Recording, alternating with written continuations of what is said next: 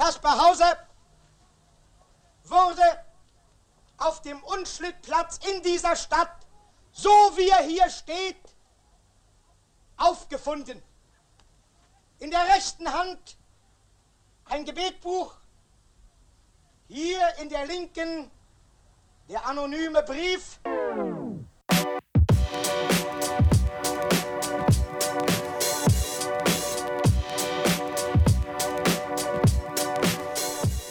Hey Vincent, Hey. een stukje Duits als Ja, wordt- intro.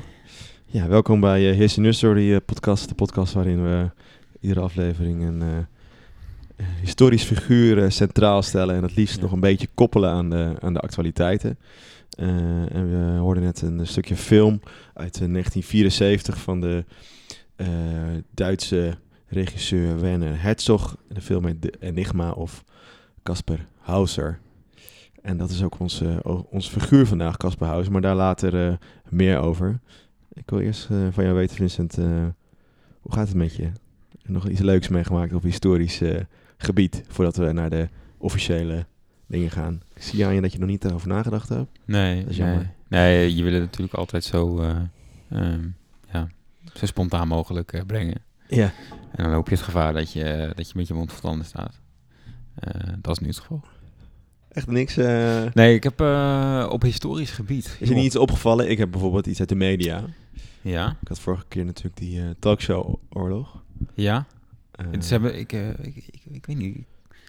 Was op de radio of zo, hebben ze, hoorde ik ook zo'n segmentje over de talkshow-oorlog. Dat Ja. is dat bijhouden. Ja, grappig hè? Dat is, nog- is, nog- steeds een ding. Nee, maar we hadden het ook. Ik stuurde het ook naar jou de afgelopen weekend. Dat we weer op zoek moeten gaan naar een nieuw. dat er weer op, op zoek wordt gegaan naar een nieuw nationaal historisch museum. Ja, oh ja. ja Meteen ja, weer denken ja, aan het, eh, ons vak uit het eerste jaar, geschiedenis bachelor. Het, het Rijksmuseum heette dat. En eigenlijk ging dat hele vak over eh, het debat rondom het Nationaal Historisch Museum in 2006. Ja. Eh, waarin het CDA en SP hadden gepleit voor een, een, een Nationaal Historisch Museum... die uiteindelijk dan terecht zou komen in, eh, in Arnhem. En dan zou iedereen weer eh, van onze geschiedenis eh, gaan houden... en mochten we weer trots zijn op Nederland. Ja. Dus toen helemaal mislukt. Eh, Ja, er, er is ook niet, in Nederland niet zoiets als een eh, echt een historisch museum. Je hebt in het Rijksmuseum vervult nu een beetje die taak, maar Ja, en dus nu ook het Openluchtmuseum, want daar hebben ze gewoon een soort vaste tentoonstelling over de kanon, waarin Ja. alles wordt, eh, wordt belicht. Maar afgelopen weekend, eh, of vor- vorige week eigenlijk, eind van de week, eh, hebben weer het CDA eh in mijn hoofd en eh, de SP het weer eh, nieuw leven ingeblazen, het debat. En ze zeggen dat ze, dat er weer, dat er, ze graag weer een zoektocht willen naar een nieuw eh, nationaal museum. Ik vraag me af of dat wel... eh, geloof jij het? In hun oprechtheid? nee, het is toch gewoon, er zit anderhalf een jaar nu voor de verkiezingen. Ja. En het is Het is heel typisch, makkelijk. typisch eh, CDA en ook best wel typisch SP om hier mee te scoren, denk ik. ja, Denk je niet? ook. Ja, zeker. Zo reageren ook andere politici, ook bijvoorbeeld politici waar je zou denken, oh, die zi- zien hier wel hel in bijvoorbeeld. Die zei ook van, nou, dat is een, dat is een groot déjà vu. Dit, we moeten die niet nog een keer gaan eh, behandelen. Dat zijn volgens mij, dat zijn Martin Bosma van, de van de PVV. Hm. Dus, eh, en hij is altijd wel bezig met de Nederlandse ges- geschiedschrijving. Dus ja, Ja, Dus- ja, ik zie het ook niet echt voor me hoe, eh, hoe je dat zou moeten gaan inrichten eigenlijk.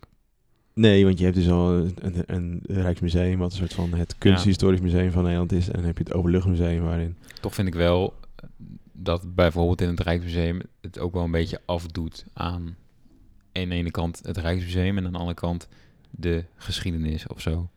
Dat je, je eh, nou, in het die- Rijksmuseum heb je heel een soort scheiding tussen eh, kunst en geschiedenis of zo. nou, je hebt, de- je hebt gewoon de eregalerij. ja, En, dan- en dan heb je een soort van die ruimtes per eeuw. ja, je hebt die ene ruimte waar dat, eh, waar dat schip in staat. Ja. En met bijvoorbeeld een portret van, van Michiel de Ruiter. Ja. Nou ja, En die boek dat, van... dat is gewoon hele lelijke kunst.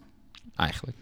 Ja. Als je naar dat portret van de Ruiter kijkt, dat... eh, zijn Oh, in vergelijking met de eregalerij. Zijn gezicht naar de pannenkoek. Ik Ja. bedoel, als, als schilderij zijn, dan had het nooit gehangen in het Rijksmuseum. Maar het, Nee. hangt er omdat het verhaal vertelt. En daarom is het prima dat het hangt. Maar in- Ja, en dan zou het meer, veel meer tot zijn recht komen in zo'n geschiedenismuseum. Denk ik. Ja. Ja, Zoals in... ehm, dat is ook wel mooi. eh, House of the European History in Brussel. Oh ja, dat is dan... Daar ben ik, was, daar ben ik geweest een keer. Eh, en daar doen ze het eigenlijk ook. Een soort van objecten centraal stellen waarmee ze het verhaal vertellen. Dus heb je bijvoorbeeld dat pistool van eh, Frans Ferdinand. Waarmee die vermoord is. Ja. Dat is een historische sensatie als je er omheen loopt. Kippenvel krijg je ervan. Want daar, dat, dat is de druppel die de Europese MR deed overlopen Ja. voor de Eerste Wereldoorlog. Zeg van jou, jouw tekst mag eh, citeren van, van een paper wat je ooit schreef. Maar ehm, ja, i- ja, ik zie hem ook niet zo goed voor me. En volgens mij, eh, vooral als je kijkt naar die 20e eeuwzaal en zo, en 19e eeuwzaal van, eh, van, van het Rijksmuseum, daar zijn allemaal al objecten, toch juist? Ja. Hè, bijvoorbeeld dat schaakbord en eh, eh, die, eh, hoe noem je dat ook weer? Eh, die jas van eh, eh, uit een co- concentratiekamp, de kleding, laat maar zeggen, en eh, eh, de, het schaakbord. Dat zijn allemaal voorwerpen of objecten die dat verhaal vertellen over Nederland in de Tweede Wereldoorlog of Ja. eh, daarna. ja, ja. Nou ja, bijvoorbeeld de Tweede Wereldoorlog komt er best wel karig vanaf. Ja, het is heel beperkt natuurlijk. Dat is dan ook een kritiek van. En dat zou dan Maar ook goed, zo. eh, ja, je hebt het Nationaal Militair Museum, weet je. Ja, je- We zijn een klein land, we zouden gewoon meer nou mo- moeten samengaan werken, meer netwerken. Nou, volgens mij gebeurt dat wel met, dat, met die, ja. met die kanon tentoonstelling. Dus wat mij betreft eh, kunnen we bij deze de discussie sluiten. Ja, hebben we het opgelost? Ja, we hebben het opgelost. Het is een eh, treurig moeras, zoals Frits Oosterom zei. Hier over dit debat. Dat is mooi toch? Want hij zat in die commissie toen in 2006. En nu Ja. zegt hij, het is een treurig eh, mo- moeras. Zei hij afgelopen weekend in de AD. Ja. Het is gewoon echt helemaal eh, getraumatiseerd Ja, door dat debat. En we moeten ook afwachten waar die eh kanon precies naartoe gaat. Dat weten we natuurlijk ook nog niet. Nee, Daar zijn nee, ze ook nog mee bezig. Wil je daar meer over weten? Luister dan een, een aflevering terug van ons. Ik weet niet precies meer welke, maar dat komt wel goed. Ja. Zoek, maar, zoek maar terug. Maar goed, we gaan het nu hebben over eh, over eh, Casper Hauser. Ehm, we zeiden het, eh, het is leuk als we iets kunnen verbinden aan actualiteit. En ja, Ja. kan wel, maar het is ook wel weer een tijdje geleden, dus misschien maar niet doen. Het heeft wat weg van, van het verhaal eh Ruinerwold. Ja. Eh, maar dit heeft ook wel wat weg van het verhaal eh, fake news. Eh, want Casper Hauser was een eh 16-jarige jongen eh, die op 26 mei eh, 1828 eh, met een, een, een briefje, zoals je net hoorde ook in het stukje, een anonieme brief en een, en een gebedsboek opeens verscheen in eh Nuremberg. Eh, hij kon amper lopen. Eh, hij, kon, hij kon eigenlijk zijn voeten niet eh, voor elkaar bewegen, want het leek alsof hij niet wist hoe dat moest. Ja. Eh, hij zag er slecht uit, was bleek. Hij kon niet, nauwelijks praten, eigenlijk niet. Het enige wat hij kon zeggen was... ik wil later een, een ca- cavalerieman worden, Ja. net als mijn vader. Ik wil een ruiter zijn zoals mijn vader was. Dat Ja. is eigenlijk het enige wat hij, wat hij kon spreken. Ja. En toen werd hij door de politie eh, van toen der tijd eh, in het landlopershuis gezet, gevang- een soort gevangenis. Ja. Eh, voor twee jaar, waar hij na twee jaar werd opgepikt door allerlei interessante mensen uit die tijd, de elite, een filosoof, wat gedragstherapeuten die daar zich over hem gingen buigen. Want hij bleek dus dat het verhaal kwam toen uit dat hij eh, 16 jaar lang gevangen had gezeten in een kleine kelder. van, met nauwelijks daglicht. Hij kreeg alleen maar brood, roggebrood en, eh, en water. Ja. Eh, en hij werd verdoofd Ja. om eh, zijn haren te knippen en zijn kleding af en toe te wisselen. En dat was het enige wat hij kon, kon voorbrengen. Ja, het is een, een, eh, mysterieus vrouw, maar oh ja, op een gegeven moment loopt er een, gewoon een jongen over straat in Nuremberg. Ik weet niet, het doet een beetje aan alsof dit verhaal... het begint een beetje plots, vind ik. Ja. Ope- Opeens is hij op straat. Of Ja, dat is het verhaal, is niet toch? duidelijk waar hij dan vandaan komt. Nee, hij was op straat. En En toen werd hij een soort... Ja, de, de eerste impuls was, oh, dat is gevaarlijk. Dus hij moet maar opgesloten worden. En, Ja. eh, en, en, en daarna kwam men erachter van, oh, dit is eigenlijk best wel een interessant geval. Want het is iemand van eh 15, 16 jaar oud... mhm. die, eh, die best wel lang opgesloten heeft gezeten in een, in een kelder. Dus eigenlijk nog helemaal niet is gevormd door... Nee. Of juist weer heel erg eigenlijk, als je het zo bekijkt. Ja. Maar dat dachten zij denk ik niet. Nee, Eh, maar hij had, geen, bijvoorbeeld, hij, had, nou, hij had geen sociale contacten gehad voor 16 jaar lang. Dat was ook dat verhaal. Dus Ja, ja. Hij, had, was eigenlijk nergens aan onder beïnvloed. Hij was, hij wa- hij was nergens beïnvloed door. Ja, ja maar, en hij schijnt eh, twee brieven bij zich te hebben. Eentje van, eh, eh, van, die, eh, van diegene waar, waarbij hij dus in die kelder had gezeten. Die, Ja. eh, Zijn pleeg, eh, ouders, Blijft vader, ook onduidelijk. Ja. Eh, en een brief van zijn echte moeder, eh, waarin, eh, waarin stond dat zijn vader dus een cavalerist was geweest Ja. in het leger. En, En waar ook en- stond hoe- En of ze hem alsjeblieft wilden opnemen, ook als soldaat. Dat Ja. was dan het verzoek. Dat Ja. was dan het verzoek van die pleeg, pleeghouder. Ja, ja, en op de brief van zijn moeder stond er ook zijn naam, dus Casper Hauser. Ja, en, dat kon hij ook, en dat kon hij schrijven. Ja, en zijn geboortejaar, eh 1812. Ja. Eh, en, dat, en daardoor, en ze vonden hem dus in 1828, dus daarvan ging ze uit dat hij 16 jaar lang eh, in, een kelder, eh, in een kelder had gezeten. Ehm, maar toen, na, na, na een paar jaar, werd hij dus ondergebracht bij George Friedrich Daumer. Laat me zeggen, wat, eh hoe heet hij ook alweer?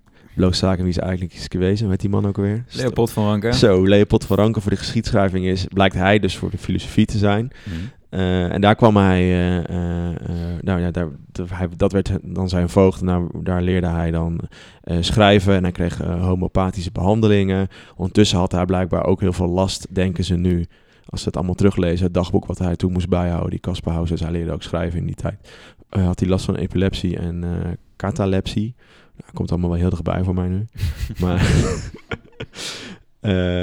en, en, en dan komt ook echt dat verhaal naar voren van dat hij dus eh, een groot deel van zijn jeugd in, in een donkere cel van 6 à 7 voet lang en 4 voet breed zou hebben geleefd op een bed van stro. Hij kreeg enkel water en roggebrook en hij werd soms dus verdoofd, eh, zodat iemand zijn kleren kon wisselen en zijn haren kon, eh, kon knippen. En er waren nauw- was nauwelijks daglicht, er waren twee minuscule ruimte van 8 tot 9 duim.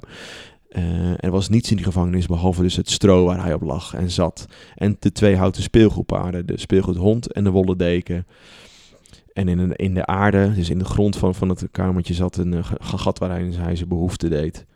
Dat was het. En, de, en, ja, en, en hij werd een soort van reizende ster in die tijd toen dit verhaal eh, werd verspreid.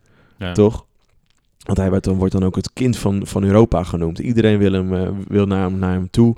Want het is, het, hoe zeg je dat? Nou, jij zei het net mooi, het is nog een kind zonder die niet beïnvloed is en misschien nog wel helemaal maakbaar is. En ook Ja. laat zien wat er gebeurt als je dus geen eh, sociale contacten hebt. En wat je, en als je dus geen daglicht hebt en dus niet opgevoed wordt door een vader of een moeder. Was Ja. eigenlijk een soort wolf child in die Ja. tijd. Ja, en dat past natuurlijk helemaal in de, gewoon in de, in de tijdsgeest eh, van toen. Want We zitten midden in de, in de romantiek. Ja, eh, waarbij heel erg een hang eh, ontstaat naar, eh, naar het mystieke, naar de natuur. Je ook terugtrekken in de natuur. eh, en eigenlijk een soort afkeer van de verlichting. Eigenlijk juist een afkeer van die maakbare samenleving. ja, Eh, ehm, dus in die zin was het natuurlijk zo'n geval Hauser heel interessant. eh, omdat hij niet gemaakt was. Dus, Nee. dus hij was juist interessant om naar te kijken van... Wat, is er, wat gebeurt er nou met iemand die niet in zo'n soort maakbare samenleving is, eh, is, is gevormd? ja. Eh, ehm, en en zo'n mysterie zoals Hauser, dat, dat sloot ook heel erg aan bij... eh, Dat mystieke. dat- die hang naar dat mystieke. En, Ja. en, en, de, er was ook helemaal geen interesse meer naar bijvoorbeeld die oudheid, naar die geschriften. Het ging veel meer richting de middeleeuwen en, en, en die, die duistere dingen. En daar, daar paste dit natuurlijk heel mooi bij. En eh, zoals, eh, zoals Caspar Hauser, daar kon heel erg mee eh, ook gepocht worden, denk ik. Zo eh, in de elitaire kringen van... het is eigenlijk, was eigenlijk meer een soort huisdier ook. Ja, want die, dat, dat zie je ook wel mooi in die film. Dat is natuurlijk, of dat nou waar is, dat is een tweede. Maar ehm eh, dat wordt wel mooi afgebeeld dat hij dus een soort van, maar net zei wel, kind van Europa. Hij ging dus ook een soort van al die elite of die hof, die hofjes langs. En dan werd hij dan getoond van, nou Ja. kijk, hij was ook een stuk kleiner eh, dan een gemiddelde Europeaan op dat moment. Eh, dus hij was echt inderdaad een soort, soort aapje, een soort dierentuin van... eh, moet je kijken wat er gebeurt als je 16 jaar opgesloten zit. Dan gebeurt er dus dit met je. En dat heeft denk ik ook wel inderdaad heel erg te maken met dat romantische. Hè, dat afkeer tegen dat vooruitgangsdenken. Dat je altijd alleen maar beter en sneller kan worden. Maar juist een beetje dat, dat mystieke en dat es- escapisme. Hè, dat je gaat vluchten in de natuur en in natuurwetten. En dat is natuurlijk ook dit, eh, dit verhaal van, eh, van die Casper. Ja. Maar het verhaal loopt tragisch af. Voor ja, hem. Nou ja, hij, eh, hij wordt op een dag aangevallen. Of hij, komt niet thuis voor het, voor het middageten. En dan wordt Nee. hij uiteindelijk gevonden in de kelder van, van Daumer, Ja. die, die filosoof. waar hij klaarblijkelijk is neergestoken door een eh, man met een cape en een, eh, ja, over zijn hoofd heen. Mhm. En eh, gemaskerd. die, die zoiets zegt in de trant van... je, moet, je moet sterven voordat je de stad Nuremberg verlaat. Ehm, waarom hij dat zegt is totaal niet duidelijk. Ja, veel bloed, veel paniek. Uiteindelijk viel het allemaal reuze mee. Dat was een soort ja, vleeswond. Eh, ehm, maar dat was... en dat, dat bracht eigenlijk een beetje de geruchtenmolen, de geruchtenmachine op gang van... waarom eh, hè, wordt, is, staat deze jongen zo in de belangstelling? Waarom wordt er een moordaanslag op hem gepleegd door een man met, met een cape om? Ehm, en, en toen kwamen er ook wel verhalen dat hij misschien wel eh, af zou stammen... of een zoon zou zijn van, eh, van de groothertog van, eh, van Baden. Ja, ja, Eh, ja, een, een hertogdom in, in Zuid-Duitsland. ja, ja, of dat hij af zou stammen van een, een Franse adellijke familie. Ja. Dat verhaal ook, waardoor hij dan ook weer naar Frankrijk werd gebracht, et cetera. En dat hij daar ook weer in de belangstelling stond. Dat was iets daarvoor inderdaad. Maar was volgens mij ook die moordaanslag of die poging, of dat verhaal rondom die poging, ook nog wel heeft wakker gemaakt. Is dat eh, toen echt de vraag rees van, is hij niet gewoon een, eh, een bedrieger? Is, hij niet, Ja. is het niet fake nieuws wat hij doet? Ja. Eh, hè, dat hele mystieke rondom hem heen, dat past heel erg bij de romantische. Is het, het daar niet gewoon in? Is dat niet gewoon een aandachtstrekker? Iemand die niet goed weet wat hij... Ja, en misschien wist ja. iemand anders de waarheid en wilde die hem, die hem te gaas schrijven. ja, dat kan ook nog. Ja. Ja, spannend. Maar goed, eh, laten we daar, eh, daar, daar straks naartoe gaan. Ik denk dat het weer tijd is eh, om eh, voor wat- luchters. Misschien is het weer tijd voor de, voor de quiz. Eh, de tussenstand weet ik even niet uit mijn hoofd. Volgens mij stond ik dik voor. Nee, volgens mij sta jij dik achter. Volgens mij staat het 3-1 of 4-1 voor mij. Ja, v- 4-2 geloof ik. Ja, 4-2, ja. Ja. Maar goed, ik zal zo even de aflevering terugluisteren van, van de vorige keer. Dan, dan hebben we dat weer duidelijk. Ja. Eh, maar gaat, laten we nu maar even uitgaan van 4-2. Ja, Ehm, stiekem ben jij het, het boek vergeten die we altijd hebben. Hè? ja dat eh, is eh volledig op mijn, mijn konto. Hoe gaan we dat nu oplossen? Hoe gaan we dat nu oplossen? Eh, nou ja, we zouden een, een leuke quiz kunnen opzoeken op internet bijvoorbeeld. Ja, zullen we laten dat nu live gaan doen? Yes, Ja. oké. Ehm, Oké, een quiz over...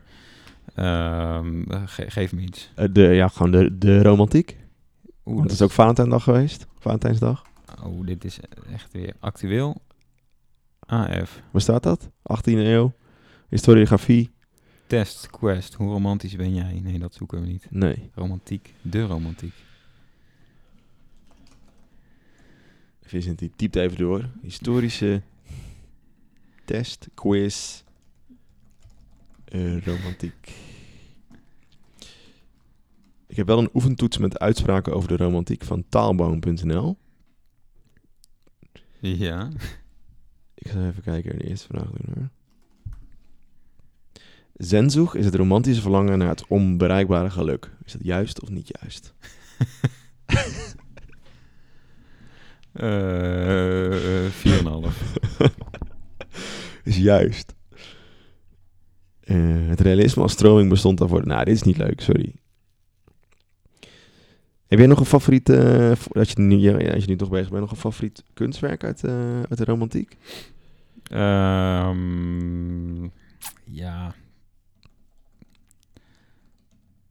Dan Ik- zou ik op zich gaan. Ik weet maar wel, dat hoor. is op zich wel een. Nee, ja, dat is wel een klassieker Nee, natuurlijk. eh, hebben misschien nog wel dezelfde. Van. eh eh, De wandelen über de Friedrich- Nebelmeer? Hm? De über de Nebelmeer? Ja. Ja, die had ik ook, ja. Ja. Lijkt wel een beetje, die man lijkt wel een beetje van achterkant nou? Casper. Casper David Friedrich. Casper. Ja. Ja. Maar goed, eh, laten we hem even eh, versnellen. Ja. Dan gaan we even op zoek naar een, eh, naar een, afle- naar een, leuke quiz. Yes. Hmm. Ja, hoe zoek je dat dan? Gewoon 18 eeuw. Historie. Geschiedenisquiz, 18 eeuw. Ja. Eh, afvraag maar allerlei weten. Eh. Nee, dat is ook even niet. Nee, ik heb er- oké. Ah, ja. Wat op Nederland? Eh, wat is het? Dat is het. Hoe is Spanjaarden hadden? Oké, Vincent heeft eindelijk een goede quiz gevonden. Ja, het is, Dus, eh, eh, het is gelukt. Ik ben ondertussen eh, bezig met eh, een soort vragenlijst. Het zijn 13 vragen. En na die 13 vragen weet, je, weet ik hoe ik dood zou gaan Ja. in de tijd van de romantiek. Oké. Vind je dat nog interessant om dat naar te luisteren? Eh, ja, vind ik, dat zou ik wel graag willen weten eigenlijk. Ja? Ja, stel dat. Ik ben nu bij vraag 6. Ja. Eh, how emotional are you? medium. I'm very emotional. Can usually be found experiencing upwards of 17 emotion at any given time. Hm. I'm a stoic. Wat is dat? St- uh, stoïcijns? Mhm. As they come, I can look at the videos of duck reuniting with their owners and feel nothing. Dan zou ik zeggen medium. Which of these do you prefer to write? Novels, poetry, short stories, plays, of sonnets? Novels. How's your love life? It's thriving, it's non-exist, could be better. Pause. ik doe denk pause. Ik doe denk pause. Zeg niks door. Have you ever found yourself in a crippling debt due to your hedonic lifestyle? Yes. Definitely not. Toch? Ja, gaan we even heel snel heen. What are your thoughts on Nee joh, we hebben de tijd. what's Ladanum? L-A-U-D-A-N-U-M. Wat? Ladanum? Ja. Zoek even op. L-A... U-D-A-N-U-M. Nada. Hmm. Ladanum is de tinctuur van opium die vroeger werd gebruikt als geneesmiddel. Oh, dus dan een hou je daarvan. I'm a favor of it. I barely know what it is. Uh, this Nou. quiz has definitely taken a turn. Nou, ik doe I barely know what it is. Do you ever remember your dreams? Always, sometimes, usually, sometimes. Do you ever have dreams about your own death? Ja. Dat ik in het water rijd met de auto. Hmm. Heel, heel eng. Would you rather be famous now or uh, live your life uh, unknown only to have someone rediscover you work after you die? Oh, dat is ook wel niks. I would rather become famous after I die. uh, of, of zou ik nu graag nu famous willen zijn? Goeie vraag. Nou, ik denk wel als ik, als ik ja, dood ga. Dat is wel vaak duurzamer. Oeh, ik ga myste- mysterieus dood. Mm. Ja. Net als Caspar. Ja, ook ja. Spoiler. Ja, you would die of unknown causes, which I think we can all agree is very cool. Uh, waarschijnlijk eh, ga ik dood aan of alcohol alcoholisme, cholera, murder, rubbish. Dat is toch eh Ons dol. hè. ons dolheid, ja. Oh, dat allemaal bij elkaar.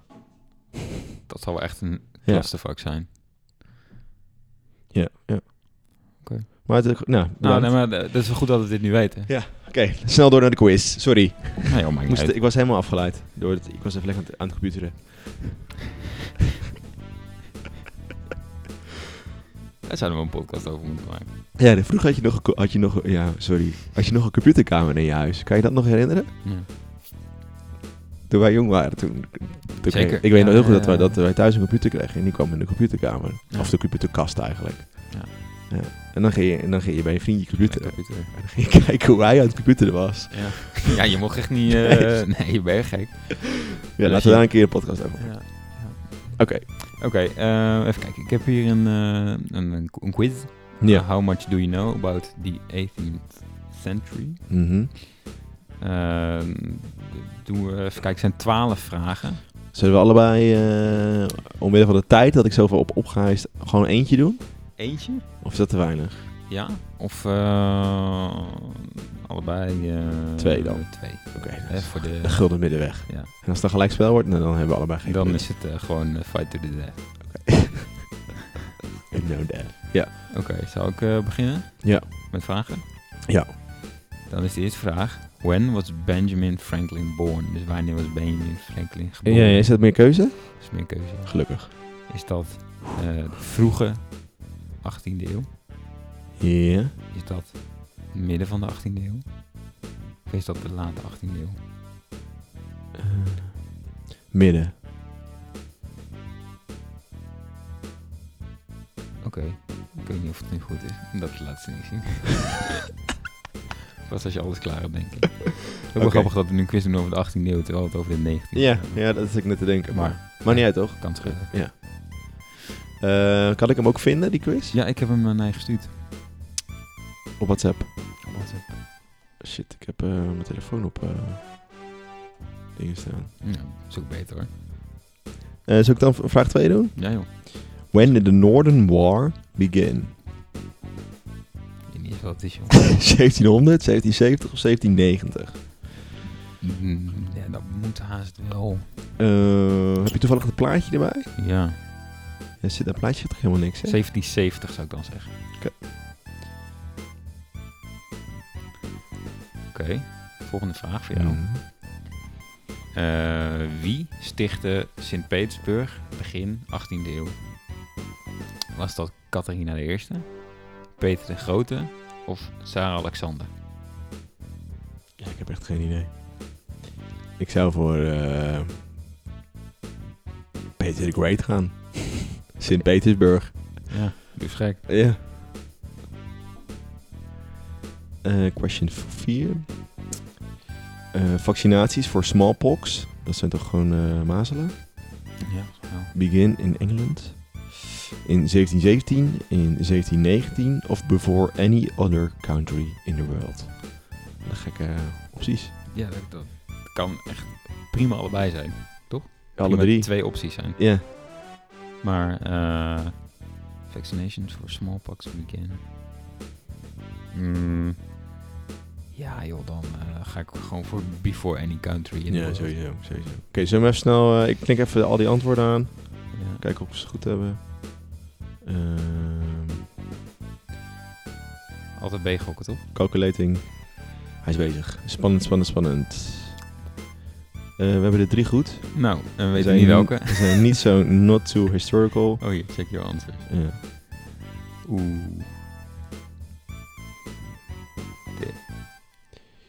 Oeh, ik had... eh, jij hebt er één goed. eh, Ik heb er eh, nul goed. Je hebt een nul goed. Oké. Nou, het is weer zover. Toppie. Nou, doe nog één punt voor mij deze keer. Omdat jij zo slecht voorbereid hebt, kijk het wel één keer voor, door de vingers. Hè, dan pakken we het volgende keer echt weer goed op. Vincent, zullen we het er zo doen? Nee, maar Ja? ik ben gewoon... Nou, fijn. Hè, gaan we eindelijk weer terug naar, eh naar Casper House. Waar we voor gekomen waren hier. Ja. Ik ben benieuwd. Nee, ik eindig net al met, eh, met, eh, met het verhaal rondom zijn dood. En dat de twijfels ook beginnen te ontstaan. over zijn, over zijn, zijn, zijn verhaal. Van, heeft hij echt zo lang onder niemand geleefd? Hoe zeg je dat? Zonder, zonder mensen om zich heen geleefd. Ja. Ehm, Want het is ook nog terug dat hij het misschien zelf had gedaan. Dat Ja. steekincident. Om, eh, eh, om, omdat die Daumer toch eh, eh, erachter kwam dat hij, eh, dat hij de neiging had... eh, eh, ja, een om, ja, een beetje, een, hoe noem je dat? Een pathetische leugenaar. Ja. te Ja. zijn. Eigenlijk gaat, deed hij wel aan, aan een beetje aan uh. Dat is die, die, die, die, die term uit de romantiek. Mhm. Dat, je, eh, dat je eigenlijk in onmin leeft met, eh, met de wereld om je heen. maar Vooral met de moderne wereld. En dat je je ook helemaal niet thuis voelt in die wereld. Nou, dat, dat is natuurlijk denk ik wel toepasselijk op het verhaal van eh, van Casper. en dat je dan gaat vluchten in allerlei dingen.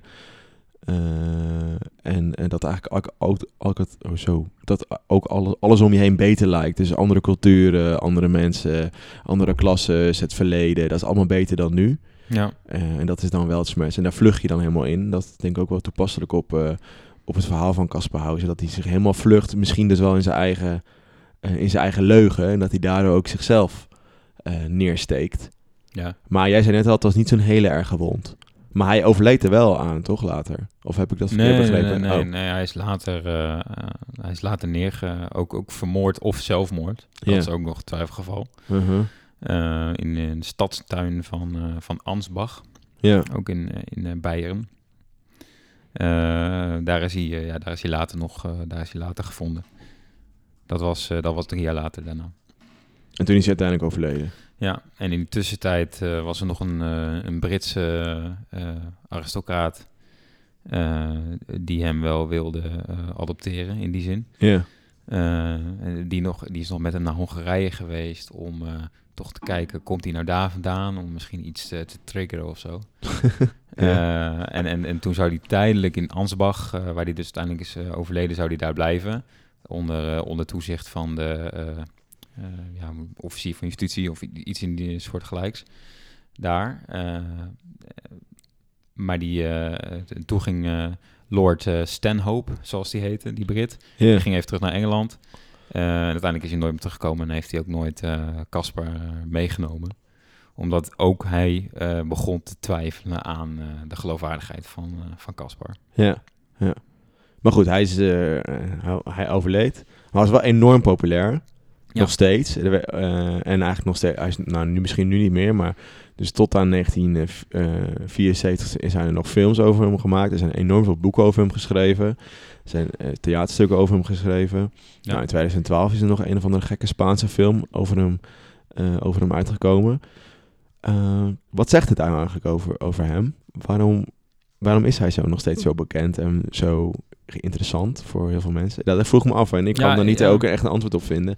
Op zich kan ik het wel zien in de tijd van, Mhm, mhm. van dat hij leefde. Hè. Als je een beetje begrijpt wat, wat, de romantiek over gaat en als je begrijpt dat de globalisering steeds meer toenam in die tijd. Hè. Je kon steeds sneller eh, communiceren met andere eh, regio's en zelfs met andere landen. En eh, ja, Ja. Nou, hij kon dus een, een, een, een Engelse graaf of lord kon met hem naar Hongarije, et cetera. Dus dat, dat werd toen steeds normaler. Dus dat is logisch dat je dan...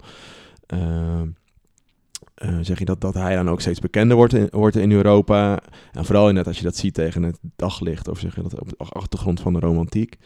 Maar vandaag de dag, ja, ik denk, ik kan er geen goed antwoord op vinden, maar je ziet ook die aandacht die Ruiner, Wold, Wo- Wo- Ruiner Wold krijgt. Mhm. Eh, Ja, de- dat het gewoon heel ja. interessant is voor mensen. Van wat gebeurt er als je zo lang zit opgesloten en je, hebt je gaat het- niet naar school. Je, Ja, het is denk ik eh, in een hele korte tijd, en dat zag je in Ruinewold denk ik ook, eh, dat het een hele korte tijd is echt een tragedie. ja. En daarna wordt het heel snel al een soort sociaal experiment. Of Ja. zo, van hoe, wat, hoe zit het met die kinderen? ja, ja, Eh, hoe kunnen zij nu, eh, hoe gaan we ze weer introduceren in, in deze wereld? Wat, wat voor, je hoort al allemaal gelijk stappenplannen en, ja. en, en hoe, dat, hoe dat dan voor elkaar zou moeten worden gemaakt. Ehm, wat, wat, wat je zegt van dat, dat Hauser, Caspar Hauser nu nog steeds zo'n belangrijke figuur is. eh, dat zie je ook nog in eh, 1996. Met het Duitse blad eh De Spiegel Mhm. eh, DNA-onderzoek de- heeft Ja. gedaan naar eh, restanten van eh, eh, kleren van hem. ja. eh, Waar eventueel bloed op zou zitten. Ja. Eh, die, die zijn dus ook bewaard, dus dat laat ook weer zien. ook weer zoiets. Ja, terwijl zijn graf dan eh, is eh, gebombardeerd Ja. tijdens de Tweede Wereldoorlog. Dus dat is onduidelijk om terug te vinden, laat me zeggen, die botten. Maar dus dat de kleding die hij aan had, daar zit nog bloed op. Ja, en daar gingen ze onderzoeken of hij dus daadwerkelijk af zou stammen van die eh groothertog van Baden. Ja. Eh, nou ja, die match hebben ze niet kunnen vinden. Ja, maar in 2003 weer wel. Dan, dan zeggen ze van, eh, nu komt een nieuw DNA-onderzoek. Mhm. Eh, en daar zeggen ze van, nou die, die match, dat hoeft niet te betekenen dat die match er niet is. Want er, komt, er zijn wel degelijk overeenkomsten. Ja, Dus het blijft nog een beetje, nog steeds in het onge-. Nee, ook niet heel duidelijk, maar het blijft nog een beetje in het ongewisse nog steeds. Ja. En ik denk dat het echte verhaal komt nooit boven water. Nee. Helaas. Het blijft dan altijd een mysterie. En dat, daarom past het ook zo goed, denk ik, eh, bij de romantiek. Het blijft altijd een mysterie. Ja. Het is altijd vluchten in, eh, in dit verhaal. Vluchten in de Wolf Childs. Eh, zoals hij ook wel genoemd wordt. Ook al is hij niet opgevoed door wolven, maar Ja. door een donkere kamer alleen met stro en een gat in de grond om te poepen. Ja, kind, was- van- het kind van Europa. Ja, ja. Casper Hauser. Nou, volgens mij eh, hebben we alles al of niet. Ik, wil je nog wat eh, zeggen? Ik- ik- ik- nee, nee. Ik ging nee. door je heen praten, maar... Nee, eh, helemaal niet. Nee, het, het is een mysterie en het blijft een mysterie. Volgens mij stond dat zelfs op zijn, zijn graf. Ja. Een mysterieuze jongen die op een mysterieuze manier ter aarde kwam en, de mysterieuze manier... Overleed. oh, ja. Verdween Ja. van de wereld. Ja, zoiets. ja. ja. Ja. dat klopt. Nou, weer bedankt voor het, voor het luisteren. Ja, b- ja. eh, bed- ja, jij ook bedankt. Ja, en succes met eh, knippen, Vincent.